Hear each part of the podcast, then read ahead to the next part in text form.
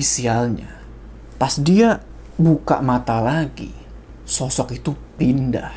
Pindah tepat ke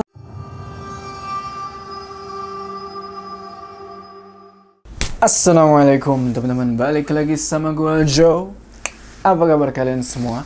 Semoga kalian semua yang menonton video ini diberikan kesehatan, dilancarkan rezekinya Dan selalu dimudahkan urusan-urusannya Dan selalu diberikan perlindungan dari wabah yang sedang melanda dunia saat ini Kembali lagi di pendakian horormu di mana di segmen ini gue akan menceritakan kisah-kisah horor pendakian yang sudah kalian kirimkan ke email gue. Dan pada kali ini, gue dapat kesempatan buat nyeritain pengalamannya Farah. Ini nama samaran ya. Sewaktu dia mendaki ke Gunung Lawu via Cemoro Sewu. Cerita ini, gue jamin bakalan bikin lu merinding. Penasaran kan? Tonton video ini terus. Sebelum kita masuk ke cerita, jangan lupa kalian like video ini dan bagi yang belum subscribe, ayo subscribe sekarang ke channel ini supaya kalian gak ketinggalan cerita-cerita horor selanjutnya. Udah siap ya? Mode horor aktif.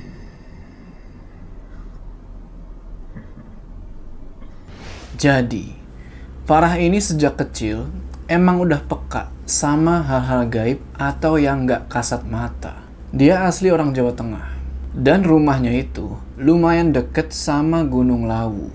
Cuman butuh waktu 1-2 jam naik kendaraan pribadi buat sampai ke sana. Oke, pendakian ke Gunung Lawu ini bukanlah pendakian pertamanya Farah. Sebenarnya dia udah sering mendaki ke banyak gunung sejak SMP. Bahkan, ini adalah pendakian keduanya Farah ke Gunung Lawu. Kali ini dia milih jalur Cemoro Sewu karena di pendakian sebelumnya dia mendaki lewat jalur Candi Ceto. Dan dia mengalami kejadian gaib yang luar biasa yang berakhir di Pasar Dieng. Dan dia nggak mau ngulangin itu. Berharap jalur Cemoro Sewu itu lebih aman.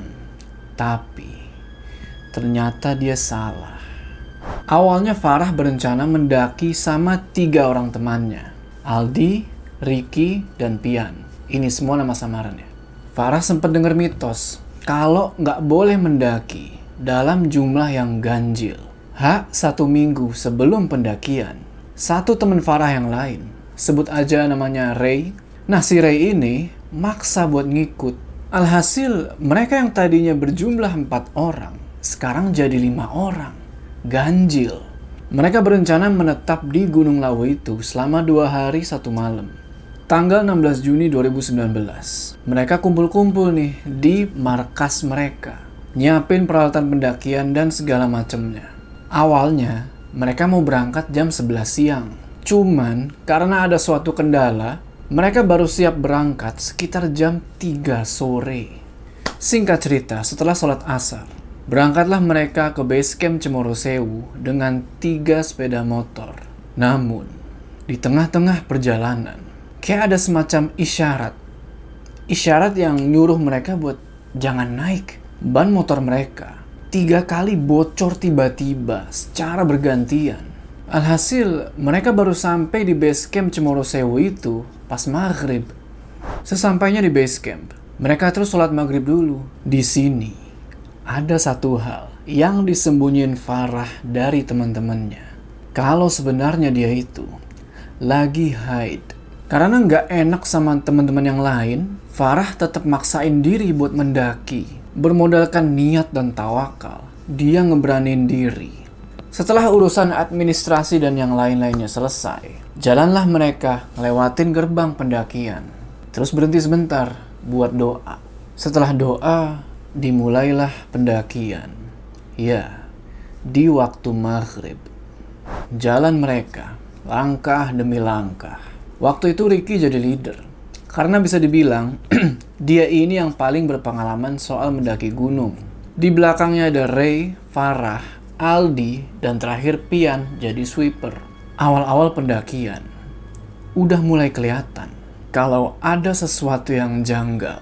Farah ngerasain kalau banyak banget yang mengintai mereka waktu itu. Dan yang lebih bikin ngeri, Farah ngeliat di atas carriernya Ricky itu ada sosok anak kecil yang lagi duduk Bener aja, baru beberapa meter jalan, Ricky udah ngeluh kalau dia ngerasa berat, tapi tetap dipaksain jalan sama dia. Akhirnya buat ngalihin perhatian, mereka jalan sambil bercanda-bercanda tuh, tawa-ketawa. Meskipun ternyata nggak cuma Farah yang ngerasa kalau mereka ini lagi diintai, tapi yang lainnya juga ngerasain hal yang sama. Kurang lebih udah satu jam, mereka jalan dari titik awal pendakian. Sosok anak kecil itu untungnya udah nggak ada, nggak tahu ke mana. Tiba-tiba kedengeran suara azan isya. Farah sempat bingung di situ kok bisa kedengeran suara azan. Padahal dia ngerasa udah jalan lumayan jauh. Tapi pas sadar, ternyata mereka ini baru sampai di pos bayangan sebelum pos 1. Berarti mereka masih deket dari base camp. Pantas kedengeran azan. Cuman Farah ngerasa kok lama banget. Akhirnya mereka mutusin buat berhenti dan sholat di pos bayangan itu. Jadi di situ ada bangunan semacam shelter lah. Ada gentengnya. Yang cowok-cowok terus sholat jamaah. Aldi jadi imam, yang lainnya jadi makmum. Sedangkan Farah, karena dia lagi nggak bisa sholat, dia duduk agak mojok ke belakang, nggak jauh dari jamaah sholat. Dia ngejagain barang-barang teman-teman yang lain sambil ngawasin keadaan sekitar. Aldi sama yang lainnya kelihatan sholat khusyuk, tenang. Tapi Farah nggak begitu.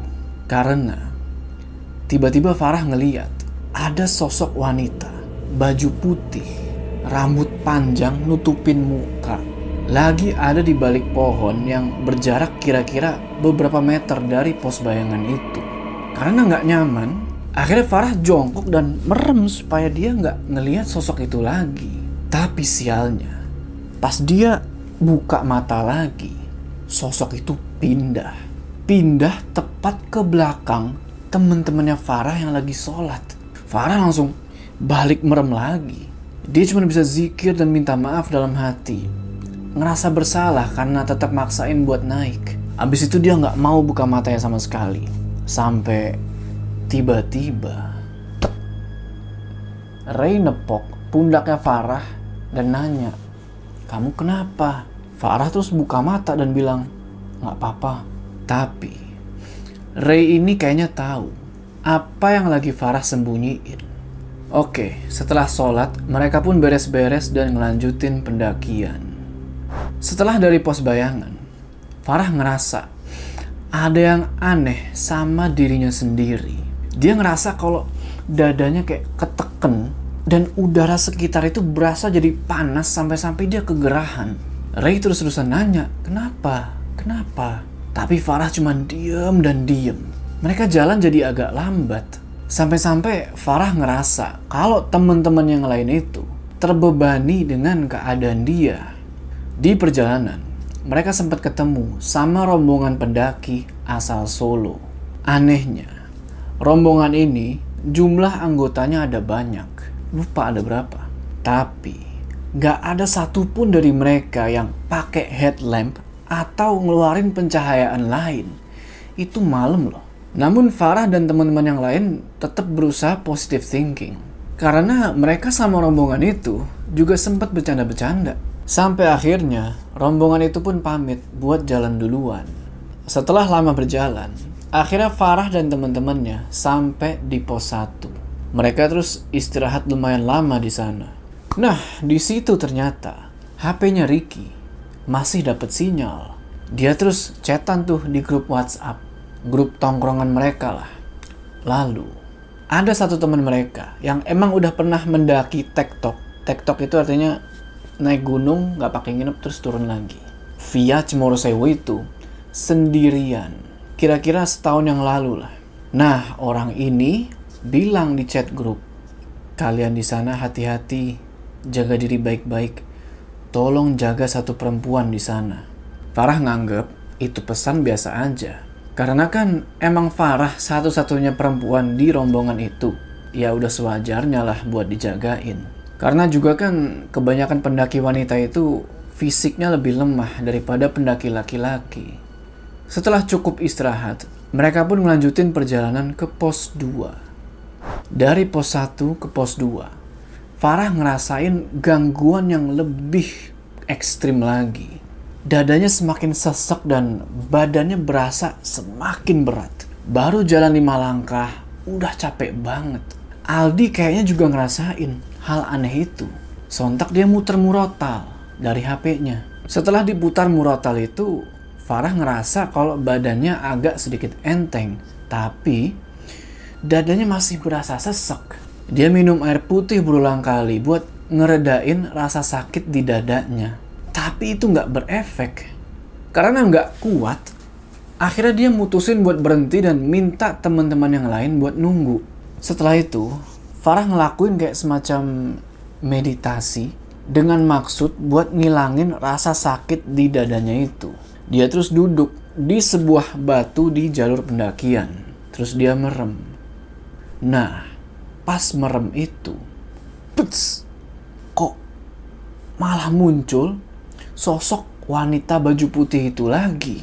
Pas lagi merem nih, kayak tiba-tiba hmm, muncul gitu loh. Sosok itu kayaknya selalu ngikutin Farah. Farah sontak hmm, ngeliat keadaan sekitar, tapi nggak ada apa-apa. Terus dia merem lagi dan berusaha buat ngelawan sosok apa aja yang muncul pas dia merem itu. Tapi semakin dia lawan kok semakin banyak yang datang. Terus dia lawan dengan zikir-zikir yang udah diajarin sama guru dan ayahnya. Gak lama kemudian, akhirnya Farah agak enakan. Mereka semua pun doa dan setelah itu ngelanjutin pendakian. Dari sini, kengerian yang sebenarnya pun dimulai. Baru beberapa menit mereka jalan, Ray mengalami kejadian aneh. Badannya tiba-tiba panas dan matanya itu memerah. Farah terus nanya ke Ray, kenapa? Tapi dia cuma bisa jawab pakai nada yang lirih. Berat, aku nggak tahu aku kenapa. Dia bilang gitu sambil megangin pundaknya. Di situ Farah sadar, apa jangan-jangan gangguan yang terjadi sama dia sekarang pindah ke Ray. Farah cuma bisa nyuruh Ray buat doa dan terus doa. Mereka semua terus jalan menempuh jarak yang lumayan jauh dan makan waktu lama banget. Namun pada akhirnya sampai juga di pos 2. Waktu itu udah jam setengah 12 malam. Waktu yang lama banget buat sampai ke pos 2. Mereka semua terus berhenti sebentar buat berdoa, minta keselamatan. Dan setelah itu, perjalanan pun dilanjutkan. Di perjalanan dari pos 2 ke pos 3 ini, lagi-lagi Farah ngeliat suatu sosok. Dia ngeliat ada sosok hitam gede, gede banget, berbulu, matanya besar, merah menyala. Lagi ada di tengah-tengah jalur, seolah-olah lagi nunggu mereka. Sontak Farah minta teman-temannya buat berhenti agak jauh dari sosok itu. Alasannya dia capek dan pengen minum dulu sebentar. Teman-teman yang lain gak ngerasa ada yang ganjil atau ngeliat makhluk itu. Kecuali Ray. Dia kayaknya ngeliat juga sosok itu. Ray mukanya masih pucet. Dan sambil terus megangin pundaknya yang berat, dia ngasih kode ke Farah. Farah nyoba buat bilang permisi dan minta maaf dalam hati. Tapi sosok hitam itu tetap di sana, di tengah-tengah jalur. Diam aja. Ada kali kurang lebih 20 menitan mereka berhenti. Teman-teman yang lain udah pada ngajak buat lanjut karena udah kelamaan berhenti di situ. Dengan terpaksa, Farah ngeyain sambil terus doa. Jadi sosok hitam itu saking gedenya, kakinya itu ngebentuk kayak goa atau terowongan. Pas Farah ngelewatin makhluk itu, dia merem aja dan di saat yang bersamaan kedengeran suara kayak suara gemuruh dan itu kenceng banget. Bulu-bulu kasar sosok hitam itu bener-bener kerasa nyentuh badannya Farah. Tapi lagi-lagi dia nggak bisa ngomong apa-apa. Dia cuman teriak dalam hati saking takutnya. Setelah beberapa langkah ngelewatin sosok itu, mereka berhenti dan saling pandang-pandangan. Ricky terus ngeluarin HP-nya dan ngetik sesuatu. Terus ditunjukinlah ke Farah. Jadi Ricky itu ngetik buat nanya, kita di mana? Dan kita semua ini kenapa? Ternyata nggak cuma Farah yang ngerasain. semuanya ngerasain sentuhan bulu-bulu kasar makhluk itu. Farah nggak ngejawab pertanyaan itu. Dia cuma minta teman-temannya buat istighfar dan doa. Setelah berjalan agak jauh dari makhluk itu, mereka pun berhenti lagi. Agak lama mereka berhenti itu. Dan waktu saat itu udah menunjukkan pukul satu malam. Gak lama kemudian, tiba-tiba kedengeran kayak ada rombongan pendaki dari arah turun atau arah bawah. Farah dan teman-temannya bermaksud buat gabung aja ke rombongan itu. Karena dari suaranya, kayaknya banyak orang nih. Tapi pas rombongan itu sampai, kaget bukan main mereka. Lu mau tahu kenapa? Ingat kan sama rombongan yang dari Solo? Yang mereka ketemu pas awal-awal pendakian? Nah, yang muncul Ternyata rombongan itu mereka masih sama, nggak pakai penerangan sama sekali. Padahal udah tengah malam loh itu. Dan juga, bukannya tadi mereka ini jalan duluan. Kok tahu-tahu nyusul dari belakang? Farah nggak habis pikir. Ini bertanya-tanya, kapan kita nyalip mereka? Dan yang lebih aneh lagi, Farah nyoba buat nyapa mereka, tapi nggak digubris. Mereka cuma diem aja. Teman-teman yang lain juga nyoba buat nyapa. Tapi sama, rombongan itu cuman ngediemin. Akhirnya rombongan itu ngelewatin Farah dan teman-temannya. Dan pas udah lewat agak jauh, anggota yang paling belakang, yang jadi sweeper, tiba-tiba nengok. Dan dia nyengir. Asli itu benar-benar menakutkan. Tapi lagi-lagi, Farah dan yang lainnya cuma bisa diem dan terus berdoa. Jam setengah tiga pagi, mereka masih di tengah-tengah perjalanan dan belum juga sampai di pos tiga. Gak lama kemudian, mulai turun rintik-rintik hujan.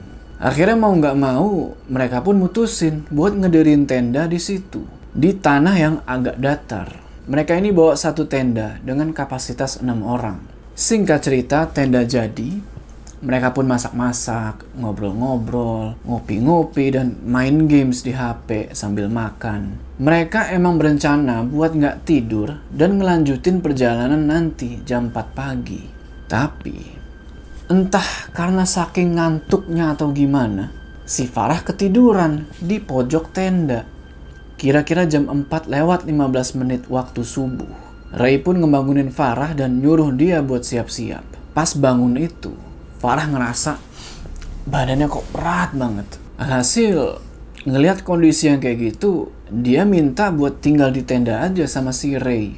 Oh iya, jadi mereka ini rencananya mau ninggalin tenda di situ, terus pergi ke puncak, biar lebih ringan mungkin maksudnya. Nah, yang lainnya setuju dan jalan duluan. Tapi, baru sebentar ditinggal sama Ricky, Aldi, dan Pian, yang waktu itu emang belum terlalu jauh dari tenda. Tiba-tiba, Farah ngedenger suara. Do, sini ikut Eyang. Hmm. Suara itu jelas banget dari balik tenda. Sontak Farah teriak-teriak manggil Ricky, Aldi, sama Pian. Aku ikut naik, aku ikut naik. Saking takutnya, Farah teriak-teriak kayak gitu sambil lari keluar tenda. Ninggalin Ray yang masih ada di depan tenda. Farah terus manggil Ray, Ray, ayo, sambil terus lari menuju ke tiga temannya itu.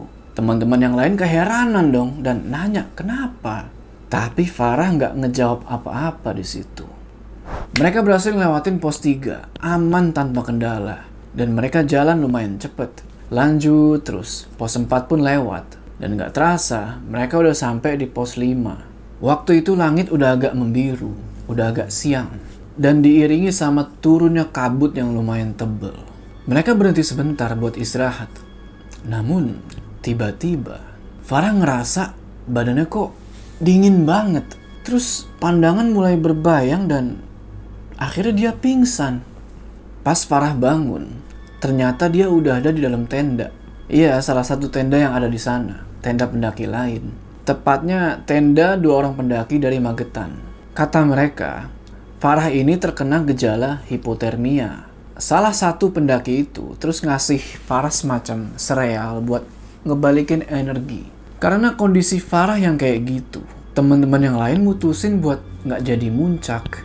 Sejujurnya mereka agak kecewa. Cuman mau gimana lagi? Mereka nggak mungkin ninggalin Farah. Farah agak merasa bersalah di situ. Setelah Farah udah baikan, mereka pun terpaksa jalan turun lagi ke tenda mereka yang ada di bawah. Pas sampai di tenda, mereka kaget setengah mati. Salah satu sudut tenda mereka, kan tenda ini ada empat sudut nih. Nah, salah satu sudutnya itu udah ngambang di atas jurang. Jadi, misalnya ini jurang nih, ini tenda. Nah, udah begini nih. Jadi, mereka emang ngedirin tenda nggak jauh dari jurang. Tapi, pas malam mereka bangun tenda, mereka itu ngebangun dengan keempat sudut tenda terpasak di atas tanah lapang.